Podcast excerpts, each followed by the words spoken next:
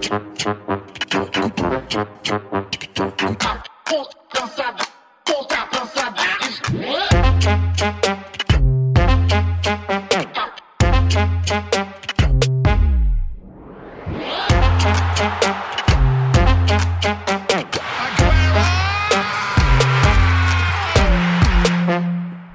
Velkommen til anden halvleg af Fodbold 5, hvor producer Kasper og jeg fortsat sidder i studiet. Vi har til gengæld fået fornemt besøg af Kenneth Brogaard, som er teamleder og sportslig ansvarlig for DBU Talent. Og derudover har vi både Søren Frederiksen og Anders Jokumsen med på en telefon i den næste times tid. For denne halvleg kommer nemlig til at handle om talentudvikling i Danmark. Vi skal blandt andet kigge på, hvordan talentudviklingen har udviklet sig, hvilken rolle og hvilket ansvar DBU har, samarbejdet mellem DBU og klubberne, målsætningerne, og så skal vi lige lede omkring de etiske overvejelser som forbund og ikke mindst forældre. Velkommen til dig, Kenneth. Jo, tak. Nu skal vi... Ui, det var på den, du var på. Ja, tak. Først og fremmest, øh, kan du så ikke lige kort forklare, hvem du er, og hvad din rolle ligesom dækker over hos DBU? Jo, men øh, du har, jeg synes, du har været lidt om, ind omkring det. Øh, de fleste i miljøet kender mig som ham, som der er øh, ansvarlig for øh, talentcentrene og talenttræningen i, øh, i, øh, i DBU. Det, som i gamle dage hed, øh, måske var det, som du var inde over en gang, måske unionshold.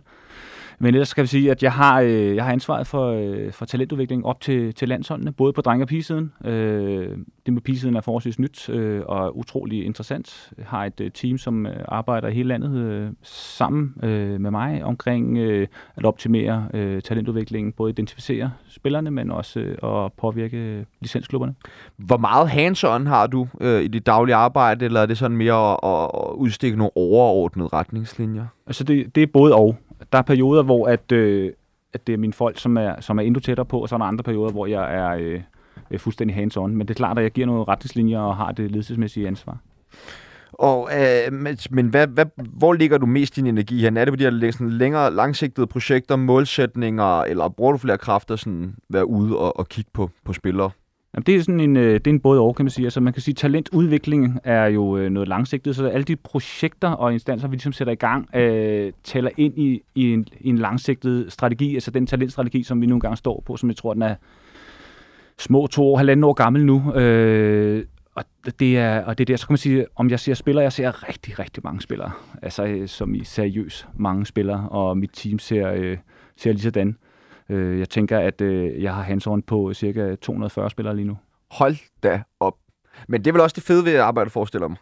Nå ja, men altså, os der arbejder i, øh, i fodbolden, tænker, at øh, altså for ganske få år tilbage, der var det dem, der arbejdede, det var dem, der løb stærkest, dem, der kunne være der, ville være der hele tiden til i dag, så, øh, så er det både dem, men også dem, som har noget viden og noget erfaringer. Og øh, når man er der, så gør man det jo, fordi at det er en livsstil. Inden vi byder øh, velkommen til øh, Søren og Anders øh, over telefonen, så gad jeg også godt lige, og det tror jeg også, der er mange, der sidder derude. Altså, folk vil jo gerne have dit job, hvis man er lidt interesseret i fodbold. Det lyder i hvert fald som øh, et fedt job, så hvordan har du fået det, og hvilke kompetencer mener du er ligesom vigtige for at, at have dit arbejde? øhm, jeg håber, vi kommer til at tale lidt om miljø også senere, altså talentudviklingsmiljø. Øh, det er en af de ting, som der har været min kæpheste i rigtig lang tid. Jeg har været i øh, den verden her altid. Øh, jeg har arbejdet øh, fuld tid i den verden siden vil sige, 2009, øh, og har øh, ledelsesmæssig baggrund også den vej igennem. Øh, og så har jeg arbejdet rigtig, rigtig hårdt. Stenhårdt. Øh, jeg har en baggrund øh, som øh, det, der hedder utalentchef. Man kan vel sammenligne det med at være akademichef i dag i, i Brøndby IF, i Brøndby Masterclass, og komme ind til... Øh, til DBU for små fem år siden, øh, blev brækket på skulderen øh, ind i nogle gange, men sagde nej, for jeg troede, jeg skulle være i, i, i Brøndby i rigtig, rigtig lang tid. Øh, men jeg havde nogle kompetencer i forhold til at kunne opbygge og være tæt på, øh, og ikke mindst øh, pædagogiske og ledelsesmæssige kompetencer, som spiller ind i noget af det, vi skal tale med, med de to andre her om, nemlig i forhold til øh, forældrens rolle, og, øh, og ikke mindst øh, barnet og den unge. Og øh, med det, så lad os øh, byde velkommen til de to tidligere, altså jeg tror ikke, det er for lidt at sige Superliga-legender i øh, Søren Frederiksen og øh, Anders Jokumsen. Velkommen til I to. Tak for det. Tak. Tak. Øh, Søren, jeg gad øh, først godt lige at høre dig. Altså, da du selv spillede fodbold i din teenageår, hvordan så talentudviklingen så ud dengang? Uh, det er godt nok ved at være mange år siden, men, øh, og jeg vil sige, at der er sket rigtig, rigtig meget på det område der. Men altså, jeg startede min karriere i, i Frederikshavn, hvor jeg er født og opvokset, og der var der jo ikke så meget, hvad skal man sige, talenttræning. Der var det jo bare det her hyggebold her, de her 3-4 gange om ugen, ikke? og så kamp i weekenden, og så var det det. så spillede jeg badminton ved siden af om vinteren og sådan nogle ting, ikke? og fodbold om sommeren, og jeg gik også til ishockey og sådan noget. Jeg prøvede lidt forskelligt, og så blev jeg lidt ældre og sådan noget, og så fandt jeg ud af, at det skulle fodbold, jeg helst ville, og jeg kunne godt tænke mig at bytte nye Michael Laudrup og Preben Melike og komme på landshold og sådan noget. Og så fik man nogle ambitioner, men jeg vil sige, talentudvikling, det var da ikke så meget af det engang. Der, der hyggede vi bare og, og synes det var sjovt. Anders, var det også sådan, du opfattede talentudvikling dengang, du var lidt yngre? Ja, det er to vidt forskellige verdener. Jeg havde faktisk fornøjelsen af at, at spille fodbold sammen med Kenneth, der i studiet øh, voksede op i, øh, i Brøndby sammen og har spillet mange, øh, mange år sammen. Det var vel, dengang var Brøndby vel øh, den absolut største, men også nærmest den eneste klub, der øh, tilnærmelsesvis havde noget, der mindede om talentudvikling, men det er slet ikke, som vi kender det i dag. Det er jo... Øh, ja, selvom det kun er, ja, det ved jeg ikke mange år siden, det er 25 år siden, eller lidt mere, 30 år siden, jamen så er det to vidt forskellige verdener der er kommet mange flere ressourcer til i dag, og, og meget, meget, mere dy, meget dygtigere trænere, øh, mange flere kompetencer og de her forskellige ting. Så, så det er usammenligneligt, og, og Søren er jo med al respekt lidt ældre end mig, så, så, så man, kan, man, kan, man kan slet ikke sammenligne det med, med, hvad de unge mennesker går igennem i dag. Søren og, og Anders, altså I nævner jo, at der ikke var så mange ressourcer øh, dengang.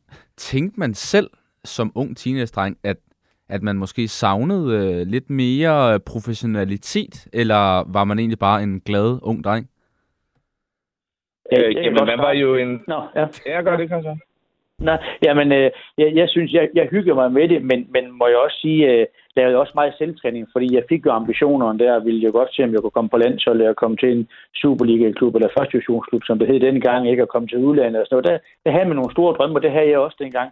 Så jeg, jeg lever jo også meget selv op på, på banen, når vi ikke trænede og sådan noget, for, for at øve mit venstre ben og mit højre ben og hovedspil, og simpelthen jeg kunne blive lidt hurtigere, og alle de ting der. Så, så selvfølgelig savner man, man, man noget dengang, men der, der er bare sket så, mange på, sket så meget på de, her, på de her år her, og det er bare fedt at se, hvor mange muligheder de unge mennesker har nu om dagen med hensyn til det her talentudvikling. Men, men altså, oplevede, Anders, øh, oplevede du slet ikke, at der var nogen fra DBU, der ligesom tog fat i en som ungdomsspiller, eller noget, og man hørte omkring, der var nogle strategier eller nogle planer for øh, talentudvikling i samarbejde med DBU?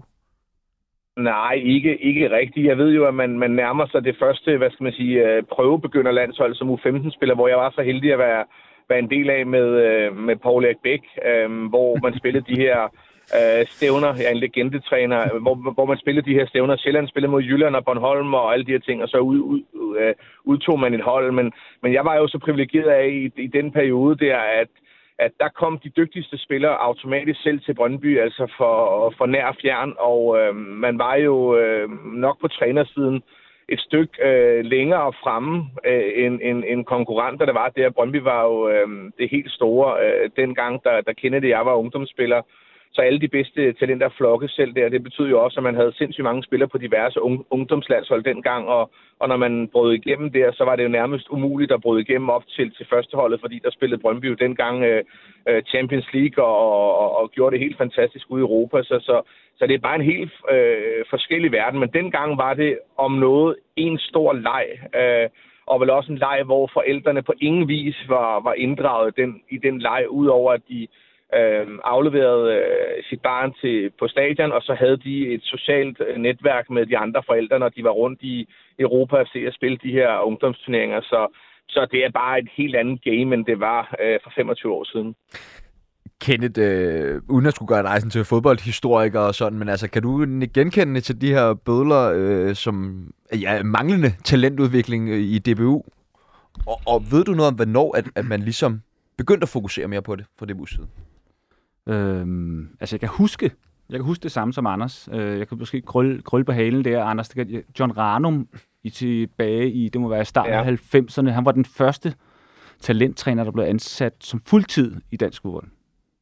Yes. Og var det længe den eneste, ikke? Altså så, øh, puh, ja, der er sket meget siden, lov. I forhold til det med landsholdene, det er faktisk ikke øh, helt stor indsigt i. Jeg ved er jo for, hvad er vi tilbage, øh, 12-15 år siden, der begyndte man med future-landshold. Altså fandt man ud af, at der var sgu også nogle spillere, der voksede lidt senere end de andre. Men man havde ikke en viden om det. Man havde en tro. Man havde ikke engang en kvalificeret tro. øh, så i dag der arbejder vi på baggrund af en kvalificeret tro og viden. Altså vi står på noget viden, og vi står på noget evidens i det, vi laver. Og det var også dengang, altså, det er vel, det er vel dengang, at Morten Olsen kom i gang med, apropos den, øh, den røde tråd, og der kom, øh, der kom nogle ressourcer i talentudviklingen. Jeg tror også, det var en af de krav, han havde til en forlængelse på et tidspunkt. Søren, tror du, at du kunne have drevet dit talent? Nej, jeg, det ved ikke, om du er den rigtige at spørge hos Søren. Vi ved jo, at du er en af de mest beskidende mænd overhovedet øh, i hele Danmark, når vi skal tale om din egen øh, karriere. Men altså, tror du, du kunne have drevet det til mere, hvis der nu havde været mere fokus på talentudvikling, dengang du var yngre? Ja, det, det er svært at sige, men, men det er ingen tvivl om, at jo mere træning og jo mere fokus og individuel træning, øh, jeg kunne have fået, jamen så kunne det godt være, at jeg kunne have drevet det til lidt mere. Det, det er jo lidt svært at sige. Jeg synes jo selv, at jeg har haft en, en fin nok karriere og sådan noget på, øh, fordi jeg har ikke haft det store talent, men altså jeg har opnået de ting, jeg gerne ville og sådan nogle ting. Og, øh, og nu, nu må man bare sige, at de unge mennesker nu om dagen får en, en fantastisk mulighed med alle de her øh, ting og, og hjælp, de, de får fra de forskellige øh, specialtræner og de her databaser, der er på dem og ting og sager. Så det, det må være fedt at være, være ung spiller nu om dagen, fordi de får så meget hjælp og så meget, der er så meget fokus på dem. Hvad med dig, Anders? Åh, oh, jamen, jeg synes jo, øh, Søren og jeg er fuldstændig usammenlignelige. Søren øh, har en langt øh, større karriere end jeg, men der er ingen tvivl om, at, øh, at lige præcis den mennesketype, den spiller jeg var, der kunne jeg have drevet det noget, øh, noget længere. Øh, hvis jeg har haft øh, så tæt en opfølgning, som, som, som drengene har i dag. Øh, det er selvfølgelig svært at, at tale om øh, sin egen person i forhold til, hvor dygtig man var, men det var klart, at, at, at assistance og øh, personlig udvikling og have folk tæt på, som, som har kompetencer, og det havde mine forældre med al respekt for dem, jeg elsker dem, men det havde de overhovedet ikke. Øh, der, der er det ingen tvivl om, at, at, at det kunne man have gjort på en helt anderledes måde. Øh, for jeg tror, øh, talentet var til stede, øh, men, men jeg formåede bare slet ikke at, at forme det til den måde, som, som tiden var på den tid, til, hvor, hvor det var begyndt at være rigtig professionel fodbold. Så, så, så ingen tvivl om, at, at, at, at for mig kunne det have været en kæmpe forskel. Øh, Kenneth, øh, er det dit indtryk, at Danmark er øh, kommet lidt senere i gang med det her talentudvikling end andre lande? øhm, øh, I forhold til nogen, ja. Men i virkeligheden så tror jeg ikke. Øh, fordi vi, øh, det er fuldstændig rigtigt, vi taler ind i både Søren og Anders tid. Der var ikke en struktureret talentudvikling, øh, som man ser eller kender i dag. Altså den rigtig strukturerede talentudvikling kom vel i forbindelse med... Øh, øh, licensen og licensmanualen, som nu har sin, øh, sin år at stå på. Jeg ved ikke, hvor meget det er. 15-20 år, meget det er 15 år, tror jeg, det er, cirka. Øh, men det er klart, at man taler jo om, at øh, dem, der fandt ud af at træne metodisk øh, øh, både bedre og en smule, eller langt flere ressourcer, og så videre. altså, jeg tænker på Holland her, at de har været langt længere fremme end, øh, end, end Danmark. Belgien var også, og Tyskland selvfølgelig. Der er nogle ressourcer, nogen, der, der øh, også på, på baggrund af en kvalificeret tro, men og måske også noget, noget viden, øh, var first movers. Og kan du ikke prøve så at sætte os lidt ind i, altså, hvordan det har udviklet sig, øh, både i forhold til den øh, langsigtede strategi, men også i hverdagen? Altså, hvor er vi hen nu? Nå, man kan sige, det som der, jeg synes er stærkt, altså Danmark er jo en meget lille nation, men en kæmpe fodboldnation, som er kæmpe. Øh, vi har kun 15.000 drenge, der spiller i fodbold hver eneste årgang. Alligevel så formår vi nu, hvor mange øh, slutrunder og kvalificerer os til, til EM eller VM. Det, det tænker jeg er øh, ret godt gået.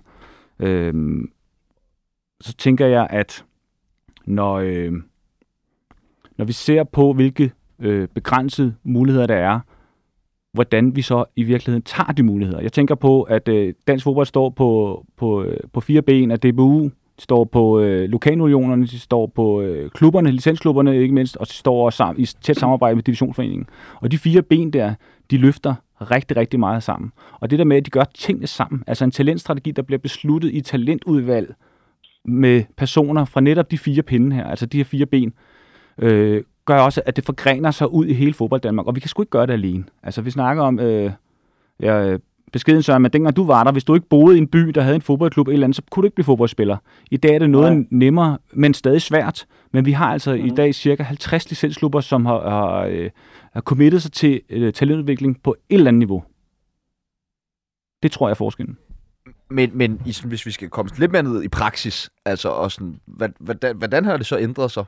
Nå ja, men altså fra dengang Søren han trænede, hvad sagde du Søren, to gange om ugen eller tre gange om ugen, hvis, ja, hvis du gad, ja. at du ikke skulle til håndbold eller ja. badminton eller arbejde i fars forretning, så træner vi, så er der en sådan struktureret hverdag nu øh, i samarbejde med pædagogiske instanser helt ned til øh, øh, 6. 7. klasse, øh, et langt forløb. Når det er der, så er det der til og med måske U17-19, øh, med træning øh, op til seks gange om ugen, hvis det er rigtigt, med specialister øh, og så videre. Og det er altså på øverste niveau. På næste øh, højeste niveau, der træner man også de rigt, øh, rigtig mange gange, og man har øh, altså samarbejde med skoler, hvor de træner øh, to morgentræninger. Der er trænere, der er ansat både på skoler og så videre. Der er efterskoler, der er så videre og så videre og så videre. Og der er vigtigst af alt, så er talentudvikling blevet en strategi i en klub. Det vil sige, at de sidder altså oppe i bestyrelseslokalet og taler om talentudvikling.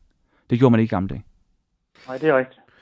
Øh, Anders, du har jo selv en søn, der øh, spiller fodbold, har været øh, blandt andet en del af øh, op i FC Nordsjælland og spillet for øh, deres U-hold. Øh, hvordan har din oplevelse ligesom været øh, af, af talentudvikling, når du ser på øh, din søn? Nå, jamen altså, jeg vil sige, først og fremmest, så træner man jo på banerne øhm, øh, helt, helt fantastisk og helt øhm, ja, altså målrettet og dygtige, faglige, kompetente trænere og, og ledere.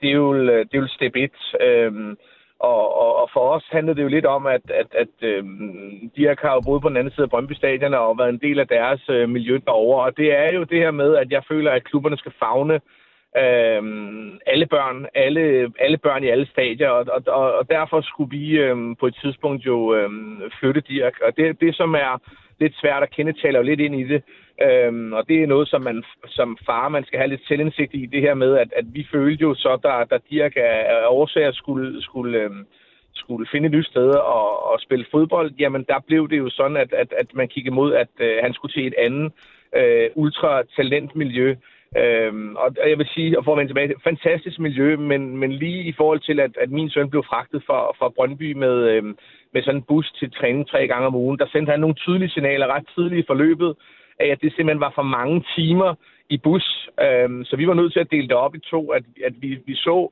øh, den type øhm, øh, fodboldspiller, hvis man kan sige. Den dreng, han var, var fantastisk, men han sendte nogle tydelige signaler af, at kørslen og transporttiden var alt øh, for meget. Men, men man må sige, at den måde, de, de træner på i de respektive miljøer, nu har jeg haft fornøjelsen af at se det i Brøndby øh, og i Nordsjælland på tætteste hånd. Altså, man kan ikke sætte en finger på det, og man kan se, øh, hvad skal man sige, drengene, de virkelig, øh, virkelig elsker det. Og der, hvor jeg jo holder så meget af, Kenneth, han taler lidt ind i det her, og han har nævnt ordene nogle gange, det er jo øh, øh, pædagog, øh, hvilket jeg synes er sindssygt vigtigt. Øh, Kenneth øh, øh, tog jo selv mig ind i, i Brøndby som, som helt ung far og trænede på, på Brøndbys øh, masterclass i, jeg kan ikke huske, hvor år det var, men vi havde årgang øh, 2000 og 2001. Det her med, at man jo øh, som far og mor er en sparring til de her dygtige trænere. Det eneste, jeg nogle gange kunne savne i det her miljø, det var, at de trænere, hvilket DBU er sindssygt gode til, det er jo det her med, at trænerne og lederne selv har børn, så de også husker, at i hvert fald børn indtil de er 15 år jo er børn, som man er vigtigt at, at læse og tyde deres signaler. Så jeg synes jo, ud over den fodboldfaglige opdragelse, synes jeg, at den pædagogiske kompetence måske overskygger det fodboldmæssige på det her. Fordi når man ser de her spillere rende rundt, hvad jeg har beskæftiget mig meget med de sidste mange år, de her omkring øh, 10-11 år, øh, det er sindssygt dygtige fodboldspillere. De kan meget mere med al respekt, end jeg selv kunne, og Søren kunne, og Kenneth kunne. De er så dygtige på bolden, men det bliver meget ensporet, så det er en sindssygt svær diskussion. Men miljøerne, det kan man ikke tage noget fra. De, øh, de kører fantastisk. Søren, øh, jeg tænker, har, har du haft samme oplevelse som øh, Anders i forhold til øh, øh din søn og, og talentudvikling? Ja, men altså Emil, han, øh, han var jo i Viborg til han blev de her 15-16 år, så blev han jo tilbudt sådan en, øh, en ungdomskontrakt her, fordi de mente, de kunne se noget i ham. Men, øh, men det, det takkede han så nej til, eller vi snakkede selvfølgelig om det herhjemme, og, og problemet var lidt med, med Viborg, det var jo, at de gør et kæmpe stykke arbejde, og har gjort det rigtig, rigtig godt på talentudvikling, også inden for de sidste år. Men problemet var lidt her med Emil, det var, at de øh, VFF spillede ikke i U17-ligaen, eller heller ikke i U19-ligaen. Mm. Og, og, og den, der mente han godt, at han kunne, han kunne begå sig, og hvis han også var inde omkring noget, noget landshold med DBU og sådan noget, så var det meget vigtigt, at han spillede i den bedste række. Ikke? Og, og der, der tog han så chancen og, og sagde ja til at, at komme til herren i Holland, som han har lært rigtig, rigtig meget af, fordi jeg tror også, Kenneth var lidt inde på det, at, at Hollands uh, talentudvikling, det, de, er, de er meget, meget langt fremme, og der har ingen tvivl om det. Han får nogle hår på bryst og har lært rigtig, rigtig meget ned, både selvfølgelig på banen, men også uden for banen. Og det tror jeg, det, det, er, det er med til at, og hvad skal man sige, det har været med til at forme ham til den person den spiller, han er i dag, hvor han, hvor han heldigvis har det godt i Norge og, og er med ind omkring Rosenborgs første hold. Hvilken år altså gør man så som forældre, inden man ligesom ja, er med til at sende sit barn til, til udlandet på den måde der. Ja, men det, det var også rigtig, rigtig svært overvejelse. Det diskuterer vi også meget herhjemme og sådan noget. Man kan selvfølgelig sige her, i lidt det tilfælde her, der var vi lidt heldige med, at jeg selv har, har prøvet en masse ting og sådan noget, og, og har lidt erfaring inden for det her. Øh, og Emil han sagde, jamen altså, jeg vil bare gerne give fodbold en chance, og, og den chance der fra Holland, den kom måske kun én gang, ikke? Og, og det var ham, ham selv, der, der, der var klar i spyttet, da han sagde, at det der, det vil jeg gerne prøve, og der var selvfølgelig også med skolegang og det ene med det andet, så der var fuldstændig styr på det, og, og ned til en plejefamilie i Holland, som vi var nede og snakke med nogle gange og sådan noget. Så vi var slet ikke nervøse for det, og vi pressede ikke på, på, på, på noget som helst. Det var, det var Emil, der, der, der traf valg, og han sagde, jeg vil gerne prøve mig selv af, og, og går det ikke, og jeg ikke trives, og er ked af at og, og vil gerne hjem igen, så finder vi nok også en løsning på det. Og, og, og han var der så i, i tre halv år, og, og fik rigtig, rigtig meget med i rygsækken, både på og uden for banen. Jeg, jeg vil gerne lige spole en lille smule tilbage her, Karsten, over øh, til dig, Kenneth, og høre lidt om, hvordan du ser på det, som Anders var inde på, det her øh, ja, balancen mellem det menneskelige, børnevenlige, øh, hvad skal man sige, øh, jamen, aspekt eller perspektiv, som man jo ligesom er nødt til at have med i alt det her talentudvikling. Øh, jeg, jeg husker, hvis jeg ikke helt galt på den, den røde tråd øh, strategien der, det var jo ligesom med, at man, det handlede om at lege og have det sjovt, indtil man var U15-agtigt. Noget i den stil hvis jeg ikke er helt forkert på den. Jeg kan ikke huske det. Nej, okay. Jeg, øh, håber, jeg håber, det var forkert. Ja. Men øh, under alle omstændigheder, i hvert fald, hvad er det for nogle overvejelser, man gør sig øh, endnu DBU i forhold til det her? øhm, vi gør også præcis de samme overvejelser, som, som, øh, som klubberne også gør. Øhm, altså, de her børn, de skal tages dybt seriøst. Altså som i dybt seriøst. Og det er, og det er en svær balancegang. Øhm, nogle klubber, de skal uddanne spillerne til at være klar til at spille i Superligaen, når de er i stedet mellem 17 og 19 år. Og bare lige den, lad lige den stå, ikke? Øh, og det gør ikke noget, for det er også nogen, der skal. Det er de der 1-2 procent, der skal det, altså de her toptalenter. Øh, så skal vi bare sørge for, at der er andre veje. Det vil sige, det er ikke alle, og det er som i langt fra alle, der skal træne meget målrettet fra U10. Men alle børn alle unge skal tilbydes øh, et godt fodboldmiljø. Et, godt, et rigtig godt læringsmiljø, det vil sige god træning, trivsel osv. Altså lidt det, som Anders også lever inde i. Og noget af det, som måske de to herrer her, de også står på fra deres tid. For det, det var nemlig lige præcis nok, og måske for lidt det, de havde. Øh, og når, nu kender jeg Anders. Måske var det meget godt, der ikke var så meget struktur på Anders øh, for dig. øh, jeg har det sådan, de miljøer, som er bedst, det er selvfølgelig dem, der har noget erfaring og har noget viden.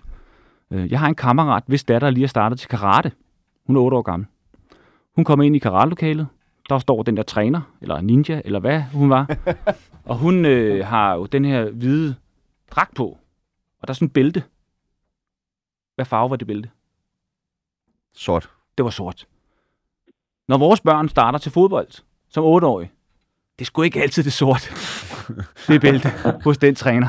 Og der har vi altså noget at gå på i børnetræner. Der er altså virkelig ved at ske noget rigtig godt i forhold til børnestrategien, som både klubberne og, og øh, DBU og Divisionsforeningen osv. de har lavet. Men der er også noget, når vi står på der, i den transition, der er så svær fra U15 til U17. Kontraktfodbold, pubertet, øh, de andre får, jeg får ikke, landshold osv. Ham, der står der, eller hende, skal have et sort bælte. Ellers taber de barnet eller den unge. Og der er altså nogle af de helt store klubber, nu har vi været inde på nogle af dem her, der er de sgu godt på vej. Men der er nogen nedunder, hvor vi skal hjælpe, og det er jo så DBU's rolle. Jeg kom til at tænke på, altså en øh, tidligere landsholdsspiller og profil i Superligaen, William Kvist. Han har jo altid sagt, han var aldrig nogensinde den bedste, men den helt store forskel var, at han stoppede aldrig med at spille fodbold. Han, altså, han blev altid ved, og han var altid en udmærket fodboldspiller. Øh, og så kom han jo så også til sidst igennem nåleåret. Øh, men er det, er det i mindre grad muligt at komme igennem det nåleøje i dag, med, hvis man ikke allerede viser nogle særlige evner som 15-årige, 16-17-årige? Altså, der er ikke nogen tvivl, at du skal have nogle særlige forudsætninger for at komme igennem. Så skal du have det her mentale, du skal have opbakning og hele det der omkring, som tror jeg, Anders var lidt inde på, og man skal have nogle forældre som Søren, der, der måske ved noget, eller kan opsøge noget viden. Om det er sværere, det ved jeg ikke. Øh, jeg tror, det er lige så svært, men der er meget mere opmærksomhed nu, og det skal man også kunne kapere, så det er ikke kun at gå til fodbold. Der er jo, øh, og hold på hat og briller, der er øh, børn ned til øh, ja, 15 og under, som har et team omkring sig. som man øh, skal forholde sig til. Da jeg var i, øh, i Brøndby, der sad jeg der til øh, en såkaldt øh, forældresamtale, og så sagde jeg, næste gang vi sidder her, og det gør vi næste uge, så skal jeg hele teamet ind. Og så bliver jeg nødt til at tale med dem omkring, øh, hvad det vil sige at være øh, 12 og 13 år gammel, og rent faktisk have et team omkring sig, og hvor mange er, er det forældrene, der laver et team? Altså, alt går tilbage til vores forældre. Mm. Ikke? Øhm, og det er bare, altså det er super svært at Men- være i. Men hvordan beskytter man børnene i den her øh, stigende professionalisering, som der jo sker af, af, af ungdomsfodbold i, i, i Danmark? Altså, jeg tænker, det kan være svært for en U11-spiller, der lige pludselig bliver hentet i bus og kørt til FC Nordsjælland og alt sådan noget, og, og stoppe op og sige, det er faktisk lige for meget til mig. Øh, hvordan holder man fokus på at sørge for, at børnene har muligheden for ligesom at sige fra? Dialog og sørge for, at døren er åben. Øh, og, og, og det kan nogle gange godt være lidt svært. Der kan Anders og Søren måske øh, tale med her. Altså, men som jeg plejer at sige, så, som jeg siger til de forældre, der nogle gange ringer eller skriver og spørger, siger, hvad vil du gøre, hvis du er folkeskolen? Vil du bare skrive på Aula, eller vil du ringe til inspektøren? Så sørg for, øh, altså klubberne er rigtig gode til at sørge for, at bare kom, øh, kom til mig, og så er der selvfølgelig nogle gange, hvor at, at det kan være lidt følsomt. Men Anders, altså, I oplevede jo i forhold til øh, jeres søn jo, altså, at han på en eller anden måde kørte lidt død i de her lange transporttider øh, og, og så videre. Øh, altså, hvad er dine tanker øh, som forældre omkring det? Ja, mine tanker er jo, at øh, vi forældre bør være de voksne, og øh, selverkendelse er en rigtig god ting. Øhm, og kigge ind i, at øh, jeg, jeg kan jo godt lide, når folk øh, står på i de her talentmiljøer og siger, jamen jeg har ingen ambitioner på min, øh, på min børns øh, vegne. Og så siger jeg nu her, bullshit. Det er en stor løgn. Alle forældre, der har børn i talentmiljø på den ene eller anden måde, har ambitioner på deres børn. Så er spørgsmålet, om man tør stikke næsen frem og tale om det, for der har folk. Øh, og jeg lærte bare, at... Øh, at jeg specielt jo var meget forhippet på, at øh, det var det eneste rigtige, at øh, min søn øh, som 10-årig skulle være blandt, lad os sige, landets 15 bedste fodboldspillere i sin årgang. Øhm, og der må jeg bare sige, der går det op for os, og heldigvis for, for, for, for mig specielt, øhm, der, der, der har jeg haft en søn og et forum, hvor vi kunne snakke om, øh, at han har kunne få sat ord på, at far, jeg synes, det er sindssygt fedt at spille fodbold i, øh, i FC Nordsjælland. Vi har et sindssygt godt hold, og jeg synes, træning, træningerne er sindssygt fede. Men jeg savner lidt, at du og mor kører mig til træning. Og det øh, må jeg være ærlig at sige som far og fy fy skamme, at det har jeg negligeret i øhm, for længe, og han nåede kun at være der halv, halvanden år, fordi jeg blev forblændet af, at miljøet, jo selve træningsmiljøet, var outstanding i forhold til, hvor jeg kunne se, hvor den lille fodboldspiller var på vej hen i de ting, han kunne.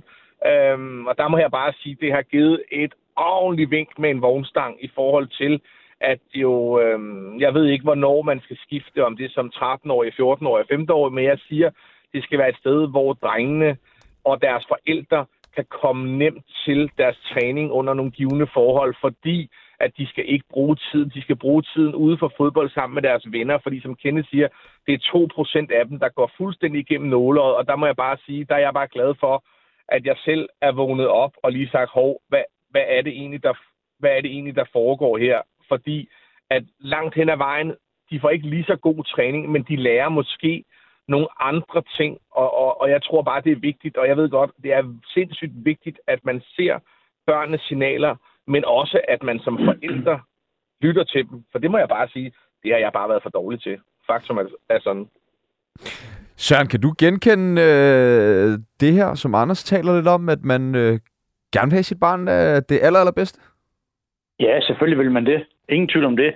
Øh, og det, det vil vi da også gerne have hjemme, men vi har det sådan, vi, vi presser ikke på nogen som helst måde, og det, og det gør vi virkelig ikke, og det kommer jeg heller aldrig nogensinde til, for det tror jeg ikke på, der, bør- der kommer noget godt ud af. Han, øh, han har altid kommet til mig og sagt, far, vil du ikke med ud og, og spille lidt med ud i haven og, og hjælpe mig med at og, og øve nogle ting. Jeg har aldrig kommet til ham og sagt, Emil, nu tager vi tøjet på, og så går ud og træner en time, for du skal træne det og det og det. Det kunne jeg aldrig drømme om som forælder. Vi, vi er alle sammen så forskellige.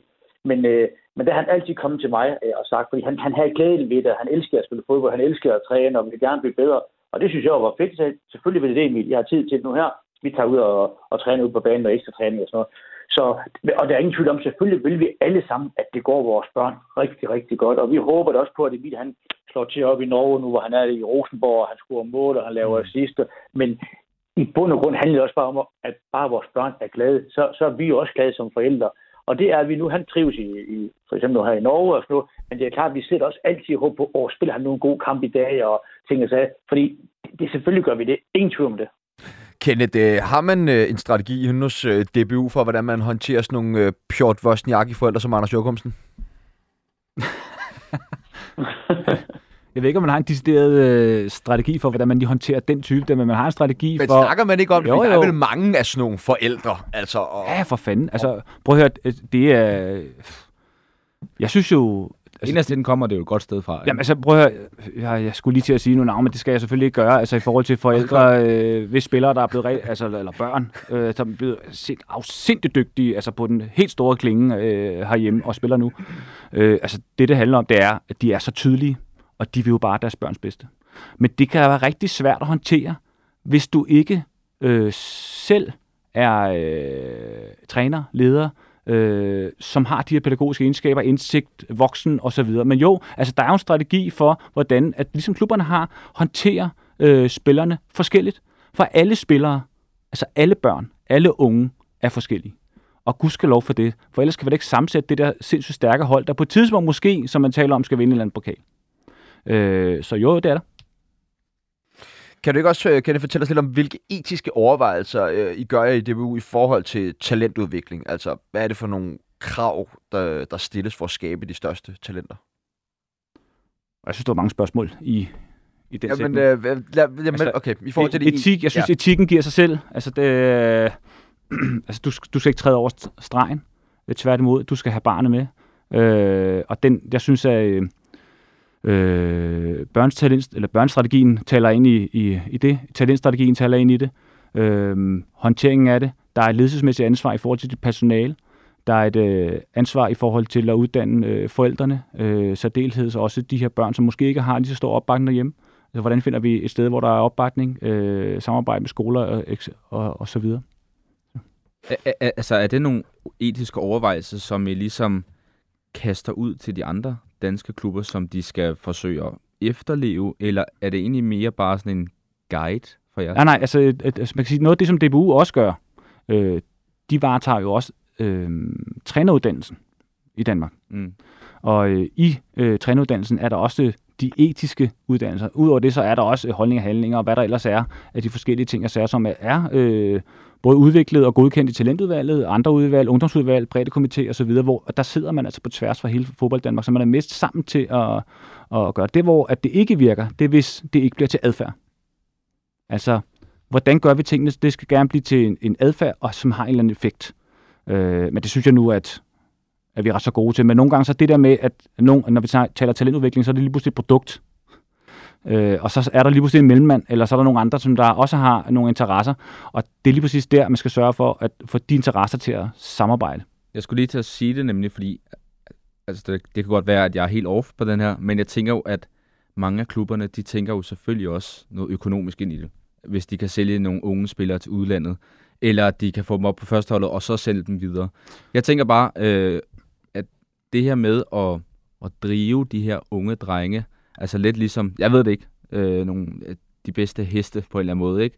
Øh, og de svage bliver sorteret fra. Så jeg tænker bare, altså, kan I godt gå ind og overrule nogle, nogle ting, som klubberne gør, eller er det som sagt bare noget... Vi, vi ja. overruler ikke, men vi lever efter øh, det samme kodex, hvis man kan sige det sådan. Øhm, noget af det, som der er, øh, er særligt herhjemme, det er, at, at vi er enormt opmærksomme på, på mennesket. Øh, man skal også lige huske på, at ja, der er de her heste, der bare løber derud, at der er tidligt udviklet, eller tidligt kan noget specielt, men de, de står aldrig alene. De står, på, de står på nogle ben af et hold og et team, og ofte så ser vi det nogle af dem, som der øh, enten overhaler eller, eller kommer samtidig med dem. I håndbolden har de defineret øh, fem veje til, til herre A eller kvinde A landsholdet. Jeg ved ikke, hvor mange vi har i, i Danmark, men vi har langt flere end fem. Og det skal vi bare huske. Men det er klart, at, øh, at etik Øh, hvis, vi ikke, hvis vi ikke har den at stå på, og den danske model, så, øh, så kommer vi ikke til at udvikle nogle spillere. Men altså, kan man, hvis man skal være lidt fræk, altså, kunne akademierne så ikke godt fungere uden DBU, eller er det helt udelukket? Det, det kan de ikke, for det er jo derfor, vi er gode, og vi er gode sammen, og det kan jeg også sige, for da jeg selv var på akademi, altså, vi står på noget sammen, og vi står ikke alene. Vi er alt for få og for få ressourcer til, at vi kan gøre det alene. Altså DBU og øh, klubberne, divisionsforeningen, øh, lokalunionen, de, de øh, står jo på de her turneringer, de står på øh, træneruddannelsen sammen, de står på øh, kulturen, de står på strategien øh, og så videre, men de gør det sammen. Altså sammen, vi er alt for få til, at vi kan gøre det alene. Søren, øh, da din søn han øh, skulle skifte til Herrenfien, altså var det din opfattelse, at det ligesom var 100% øh, op til ham selv ligesom at træffe det her valg, eller var der også andre sådan, instanser, der pressede på i forhold til det her øh, udlandsskifte? Nej, det var helt op til ham selv. For han kunne bare vælge at, at begynde med at spille i Viborg, måske uden kontrakt, og han kunne også bare have, have valgt at lave en kontrakt med, med Viborg, altså en ungdomskontrakt der, da han fyldte 15 år. Øh, så det, det var helt op til ham selv. Øh, altså, vi var også lidt rundt og kigge, for der var også andre, der var interesseret. Vi var blandt andet også i Brøndby, hvor jeg var meget imponeret over, øh, over det møde, vi havde derovre med, med Kim Vilford i spidsen der. Altså, de vidste jo alt om Emil, både nærmest på banen og uden på banen, og vi havde et, et, et rigtig, rigtig godt møde derovre også, og det, det kunne også være en mulighed. Men så kom det her lige pludselig ind fra, fra højre, at han kunne, kunne komme til her, fordi de havde fulgt ham i nogle kampe og set ham til nogle DBU-samlinger og nogle future-kampe og sådan noget der. Og så kom han selv hjem til mor og far og sagde, ved I hvad, morfar, jeg kunne godt tænke mig at komme til herren og prøve at give det en chance. Så bakker vi ham op i det. Og, og hvad tænkte du egentlig umiddelbart der? Altså tænkte du, at ej, det hollandske talentudvikling, det må være bedre end dansk? Eller hvad Nej, var resonemanget? Nej, altså det, det, det gør jeg, for jeg synes, de danske, de danske talentsystemer, det danske miljø herhjemme er rigtig, rigtig godt, og, og Viborg gjorde det også rigtig, rigtig godt, og, og gør det endnu bedre nu, kan man sige, fordi der er sket mm. meget på de her år her. Mm. Men der i 2015-2016, hvor Emil var inde omkring det, jamen der synes jeg, at Viborg havde et rigtig, rigtig godt talentmiljø. Der var bare et minus, det var, at Viborg spillede ikke i den bedste række, hverken i U17 eller U19, og det var det, han skulle til at spille, og det ville han gerne for at, at blive til på aller, aller højeste niveau, og derfor, derfor sagde han nej, for jeg er sikker på måske, at hvis Viborg har spillet i U17-ligaen på det tidspunkt, og også U19-ligaen, jamen, så kan det være, at han var blevet herhjemme. Øh, det, det, det er ikke rigtig nogen, der ved noget om. Men nu fik han den mulighed her, og derfor blev han enig med at sætte om den der chance. Den skal nok, den, den, den skal prøves af. Anders, går du allerede nu med nogle øh, tanker eller drømme eller ambitioner på din søns vegne omkring, øh, om han en dag skal prøve sig af i, i udlandet i forhold til den her talentudvikling? Jeg har ingen ambitioner men, men jeg har da, jeg har da drømme på hans vegne, øhm, og jeg håber da, at han drømmer det samme som mig, men det er ikke sikkert, at han gør det. Lige nu gør han, der drømmer han jo om, øh, om Manchester United og alt det her, men, men hen ad vejen så håber jeg, at drømmene de ændrer sig, så det, det bliver noget, der, der, der gør ham glad, for det skal ikke gøre, øh, det skal ikke gøre hans far glad. Øhm, så, så ambitioner har jeg ikke, men, men drømme har jeg. Kenneth, øh, foretrækker I egentlig hos DBU, det, det, men øh, altså, om at talenterne de udvikles i Danmark, eller at, at man får sendt dem ud til udlandet også, så vi også får nogen, der bliver får prøvet kræfter derude og bliver udviklet for en tidlig alder på nogle andre akademier? altså, der er ikke to spillere, der er ens, og for nogen vil det være helt rigtigt at komme afsted. Øh, og det er heller ikke alle, der kan klare det. Øh, nu kunne Emil klare det. Øh, der er, jeg kender rigtig mange spillere, som er kommet hjem, som ikke spiller mere. Som umiddelbart havde nogle forudsætninger, som var større end nogle andres. Øh, så man skal ud, og det skal man på et tidspunkt. Altså det handler om matchning, og det handler om udvikling. Øh, det handler om, øh, dansk fodbold øh, skal, skal stå på den store scene, og der er klart, at der bliver vi nødt til at have nogle spillere, der kan, der kan spille med der. Så det, det kan man, hvis man kommer ud, men det er ikke, altså som i slet ikke sikkert, at man skal ud, før man har spillet 50 eller 100 Superliga-kampe. Hvilke egenskaber kigger man efter, hvis man tænker, at det er en spiller, som vi gerne vil råde til at, at tage til udlandet? Nej, det tror jeg er meget individuelt. Øh, vi kommer aldrig til at råde nogen til at tage afsted. Det er ikke vores opgave. Jeg har også lige et spørgsmål. Øh, tror du, det er en fordel at komme afsted i en meget ung alder, som 15-16-årig? Eller tror du, at det er bedre, når de måske har fået lidt mere ro og lidt mere rutine, øh, og måske er i start 20'erne i stedet? Altså, hvis du spørger mig, ja. som i uh, Kenneth Brogaard, ja. så vil jeg 100% sige, da jeg var 16 år, mm. Mm, øh, jeg havde en nøgle til vaskekælderen, ikke? men den kunne, jeg kunne ikke have fundet at åbne den dør ned til vaskekælderen. Så øh, jeg vil sige, altså klart nej. Øh, vent lidt, men det var jo mig. Øh, og for andre, så er, det, så er det helt fint. Jeg synes ofte, at man har hørt det her med, i hvert fald tidligere, måske 10 år tilbage, at danske spillere ikke var mentalt stærke nok til øh, at, at komme til, til udlandet. Øh, Kenneth, altså, hvordan oplever det, og er det noget, man har haft fokus på? Nej, prøv at høre. Det, det som der... Altså lad os, lad os lægge den over på en, på en anden boldbane. Øh, I dag er der en struktureret talentudvikling, som du kan dykke ned i. Og der er alverdens muligheder. Og det er virkelig godt. Det er virkelig godt, det der sker herhjemme. Og det, det går kun en vej. Altså de største klubber, jeg vil bare sige wow, altså der sker noget. Og der er altså bare rigtig mange ressourcer øh, og know-how og så videre. Og dem, der kommer efterfølgende, de står bare et rigtig godt sted og et bredt sted. Så vi, øh, der er vi rigtig fint. Altså i forhold til det med udlandet og så videre, det er ikke, det er ikke en skal. Det er klart, det kan blive en nødvendighed på et tidspunkt, hvis du skal opnå en eller anden ambition om et eller andet. Hvis vi øh, skal kigge lidt ud i fremtiden, Kenneth, altså hvilke målsætninger er der så for, øh, for DBU's øh, talentudviklingsstrategi? Altså en helt store målsætning, det er jo, at vi skal ende med, at vi vinder landskampe, og vi kommer til slutrunder, og vi skal vinde noget. Øh, men det står jo øh, på noget, og det står jo på en talentstrategi, det står på et samarbejde, det står på talentudvikling i klubberne. Øh, det man kan sige, DBU, de øh, har ikke ansvar til at uddanne, det klubberne. Men vi samler og matcher de bedste, og giver dem derved et erfaringsgrundlag, som de ikke kan få andre steder. Det, det er vores øh, helt store rolle, men altså, det står, altså, vi skal jo gøre det så godt sammen, at vi på et tidspunkt kan vinde alle kampe, kvalificere os hver gang og stå med den pokal. Øh, Danmark har også tidligere fået en del kritik for øh, ikke at udvikle nok individualister. Er det noget, man har kigget på inden for øh, DBU's vi Det ligger lidt i talentstrategien, men det, vel, i virkeligheden så ligger den meget ude på øh, identiteten i øh, de enkelte øh, klubber.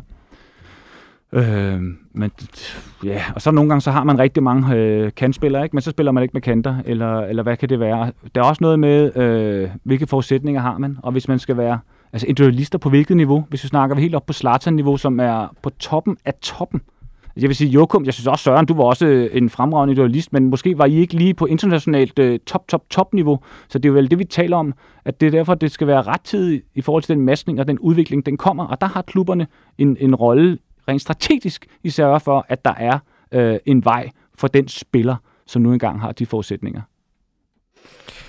Søren, øh, det har udviklet sig en hel del fra den gang, du spillede, og øh, til øh, i dag. Men altså, hvilke, hvilke punkter håber man sådan yderligere som forældre, øh, at talentudvikling i Danmark kan få på sig? Jamen, øh, altså, der, jeg vil sige, det kan, jamen, det kan altid, det altid blive bedre, det ved jeg godt, men jeg synes stadigvæk, at, øh, at DBU og, og klubberne gør, jeg, jeg kender også inde på det, altså klubberne herhjemme, specielt de store klubber, men jeg synes også nu, de mindre klubber, de gør et kæmpe, kæmpe stykke arbejde. De har et fantastisk setup, ikke? Og, og vi ser jo også, at, at nogle af vores øh, Superliga-klubber her, deres ungdomshold, de gør sig godt i, i Champions League og sådan noget, og spiller med frem og sådan noget der. Så vi, der er ingen tvivl om, at vi, vi er på rette vej og sådan nogle ting. Og jeg synes jo bare, at der er sket en, en, en kolossal udvikling, og det er jo bare fedt at se, at både DBU og klubberne vil, vil helt tiden dygtiggøre sig, fordi de gerne vil have dygtige spillere og sådan noget der. Så der er ingen tvivl om, at er man ung fodboldspiller og sådan noget der, så har man alle muligheder og alle forudsætninger for det, hvis det er det, man gerne vil. Og det, det kræver selvfølgelig, at man har et talent, men det kræver tusind også, at man har en vilje og en, en tro på sig selv, og man er mentalt stærk, for der, der kommer sgu nogle, nogle slag i maven og nogle taklinger bagfra og sådan noget der, og, og nogle modgang og sådan noget, og det er modgang, man skal vise, jeg kommer op på hesten igen og sådan nogle ting, og der er det vigtigt at have de rigtige trænere, som også er god til, til mandskabsbehandling. Det har jeg altid sagt, dengang jeg var assistenttræner og cheftræner. Mm. Altså, vi har med dygtige spillere at gøre, fordi vi er på det niveau, som vi er. Men, men mandskabsbehandling er rigtig, rigtig vigtig, og der er ikke to spillere, der er ens. Det har Kenneth også været, været, været inde på. Og sådan noget. Og der er det altså vigtigt, at man får en god snak med dem her, og specielt når de er så unge, som de er, de her ja, 14, 15, 16 år, der er det altså lige brug for, at man lige tager hånden omkring skuldrene af dem, og lige tager en, en god snak, hvis de har lidt problemer, eller ikke lige har selvtillid, eller ikke lige synes, de spiller nok på hold og sådan nogle ting, der, der, har vi, der har vi en stor rolle, eller det har trænerne og, og klubberne i hvert fald en stor rolle der. Og Anders, øh, samme spørgsmål til dig. Altså, hvad, for noget, hvad kunne du godt tænke dig, at man arbejder på i, i talentudvikling hos uh, øh, DBU? Hos DBU? Jamen, det, det har jeg Eller ikke nogen for, den skyld. for at sige. Nej, men jeg synes jo, som Søren også siger, det er jo næsten en tro Jeg synes, de er så, øh, så langt fremme. Øh, det her, hvor øh, man måske skal anfægte noget, det er, at det, det måske bliver meget tidligt. Altså nu taler jeg også på vegne af en, en søn, der er noget yngre end de her 14-15 år. Men jeg tror, at man øh, vælger til og fra mange gange, og det var en af mine kæpheste for, for første, første, noget af det første, jeg sagde det her med, at øh, i de store klubber bør man kunne fagne øh, alle typer spillere. Dem, som hvis man kan kalde det, det tror jeg ikke engang, man kan kalde det talenter i meget tidlig alder, så man kan ligge og boble dem op og ned i de forskellige egentlig og lade dem blive det her, og så får senere hen og, og se, hvad der, er, hvad der er, hvad skal man sige, råmateriale og talent til. Øh, fordi jeg tror simpelthen, øh, og jeg har jo selv været inde i den mølle, at øh, for unge drenge, eller unge børn, vil jeg hellere kalde det, jo måske øh, ligger og skifter alt for meget klub, alt for tidligt det her. Der, der vil jeg bare appellere til, at man, at man får miljøer, hvor man kan fagne alle, alle typer børn. For dem, der vil regne efter øh, snibolde og lave den her ting at kravle i hegne til dem, der på, på nuværende tidspunkt i deres relevante overgang er, er klar øh, motorisk og kognitivt til at tage imod en masse indlæring. Øh, der synes jeg måske godt, jeg, jeg kunne ønske, sådan hvis man ser helt oppe i helikopterperspektivet, at man måske fagnede en, øh, en større gruppe børn der. Hvad tænker du om det, Kenneth, som øh, Anders han øh, fortæller? Men det er fordi, øh, eller det kan man jo ikke sige, men øh, Anders refererer til København, altså København, området omkring København, hvor der er rigtig mange børn, der er rigtig mange klubber, der er rigtig mange tilbud, og det er rigtig nemt. Altså det er nemt, hvis, altså, hvis du har føler ubehag, så finder du bare et andet sted hen. så lærer du ikke at være i det. Altså det der, og det... Øh... Det er måske også symptomatisk bare for nogle samfundsmæssige problemer generelt. Ja, ja, men det, altså, Curling, curlingforældre, hvis det ikke er det, så. øh, det kunne være, det, det, det kan være næste gang, hvis jeg bliver inviteret igen her, så vi kan snakke om det. det, det gør du. Øh, men men og det, og det er super spændende, det andre siger. Men andre steder i landet, eksempelvis så siger vi øh, Emil i Viborg, Sørens knæk der. Jamen, det var Viborg, og Viborg siger, hey, ro på, du er bare her. Og giver dig trivsel, så kommer noget læring, og så kommer der resultat over tid. Du skal ikke stå på tær hele tiden. Der er nogle, der er nogle steder, hvor at forældrene er med til klubberne er med til, børnene er med til, miljøet er med til at påvirke en utryghed. Og utryghed, det er ikke noget, børn skal have, når de er i gang med at danne sig, eller unge mennesker. De skal, have, de skal føle trivsel. Ja. Så skal det nok komme. Jeg tænker, Helt enig. Helt enig. Jeg tænker, altså, at børn i den alder, lad os sige omkring 10 år, kan de selv, nu, Anders, du nævnte jo selv dit eksempel med, med din søn, som selv sagde, at det var nogle lange busture, men vil I vurdere... Altså jeg vil lige sige, ja. når man er 10 år, så taler vi ikke talentudvikling. Nej, okay. Så taler vi fodbold for børn. Okay. Ja. Talentudvikling, det ved jeg ikke. Uh, igen, håndbolden, de har defineret det for, når, de er, når det er U15. Jeg tror, at uh, dansk fodbold har vi sådan noget U13. Okay. Og det, så ved jeg godt, der, der, der kan de yngste være 11 år gamle. Så prøv at høre, 11 år gammel. Mm. Altså, der, der ja. er bare noget, man skal vide. Så, men 10 år, så er det, så er det sgu ikke rigtig talentudvikling. Nej, fordi jeg vil egentlig bare høre, om, om børn i den alder, altså, kan de selv øh, tage beslutninger, eller har de behov for, for nogen, der ligesom tager beslutningerne for dem? Nu, jeg har det eksempel. De kan overhovedet ikke selv tage beslutninger. De det synes jeg, Anders sagde tidligere. Det, ja. det er de voksne. Det er de voksne, og, og husk nu på, at de voksne skal være voksne, og det, øhm, det, det, det, det handler jo om, at, at, at man jo, hvis man ikke har det, så får det, og jeg, jeg har jo selv måttet må, må, må sande det, at, at min dreng er et barn, øh, og, jeg, og jeg skal lytte til ham, og hvis han er dygtig nok om 3-4 år, så, så får han det til at ske, og hvis ikke, så skal vi huske på, så er han jo stadig øh, øh, mit, mit, mit kød og blod. Og Kenneth og Søren kommenterer på det. Alfa Omega, det er trivsel, om det er til fodbold, eller om det er i skolen. Alfa Omega, det er børn, og det er trivsel, der er i, øh, i højsædet.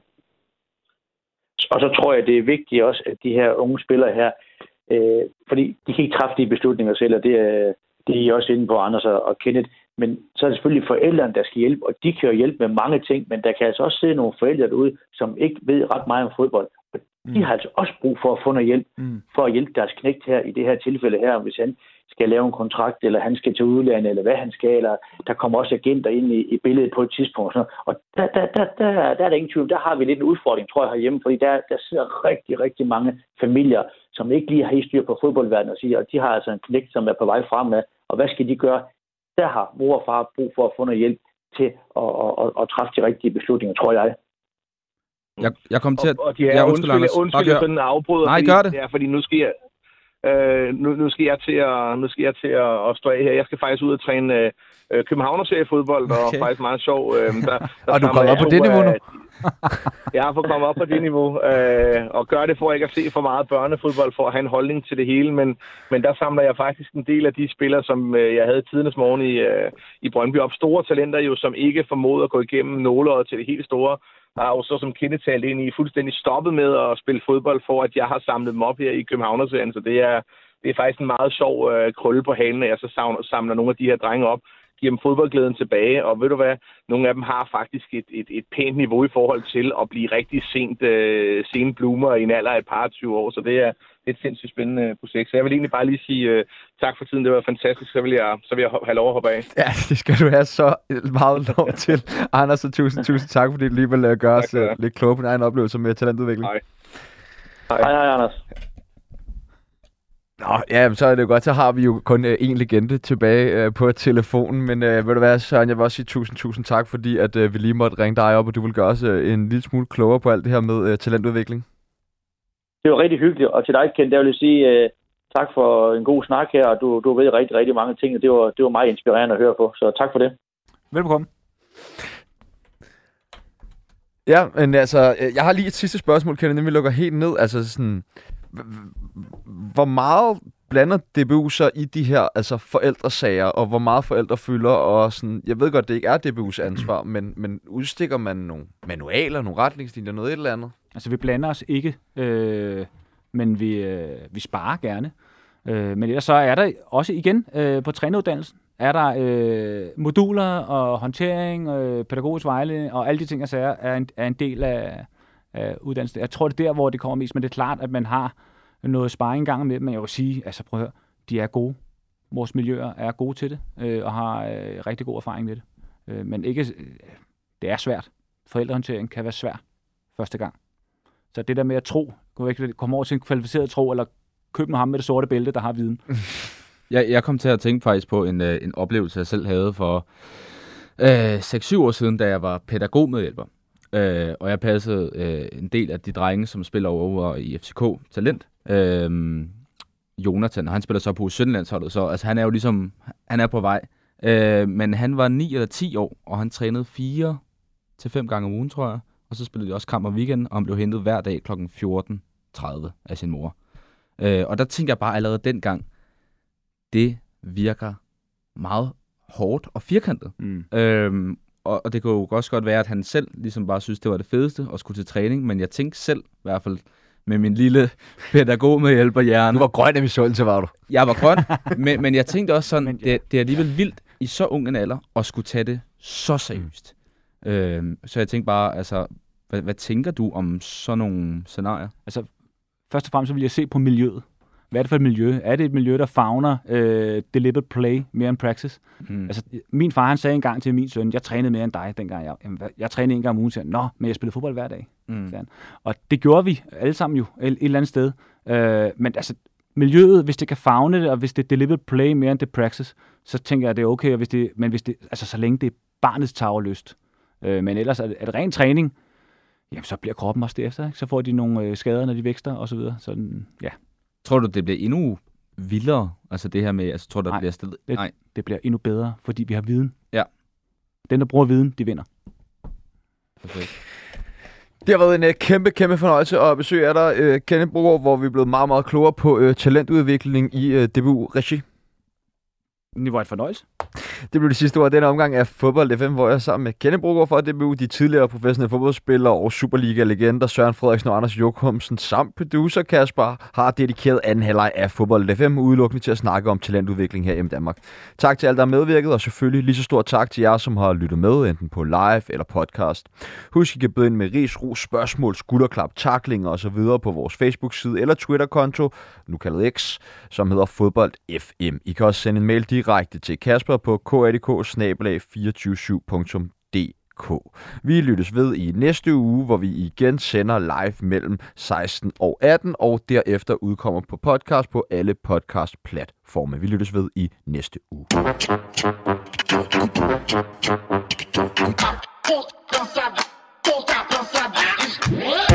What?